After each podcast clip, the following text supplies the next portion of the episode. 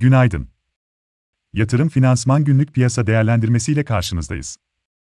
Bugün günlerden 24 Haziran Cuma.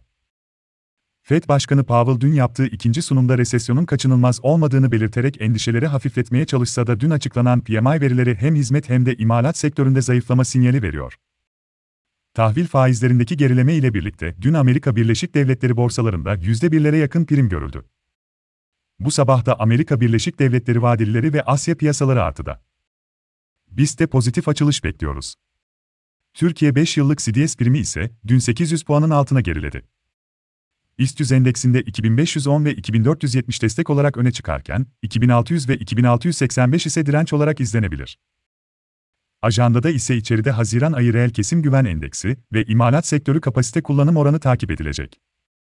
Amerika Birleşik Devletleri'nde Michigan tüketici güveni ve yeni konut satışları öne çıkarken, Almanya'da ise IFO iş güveni endeksi izlenecek.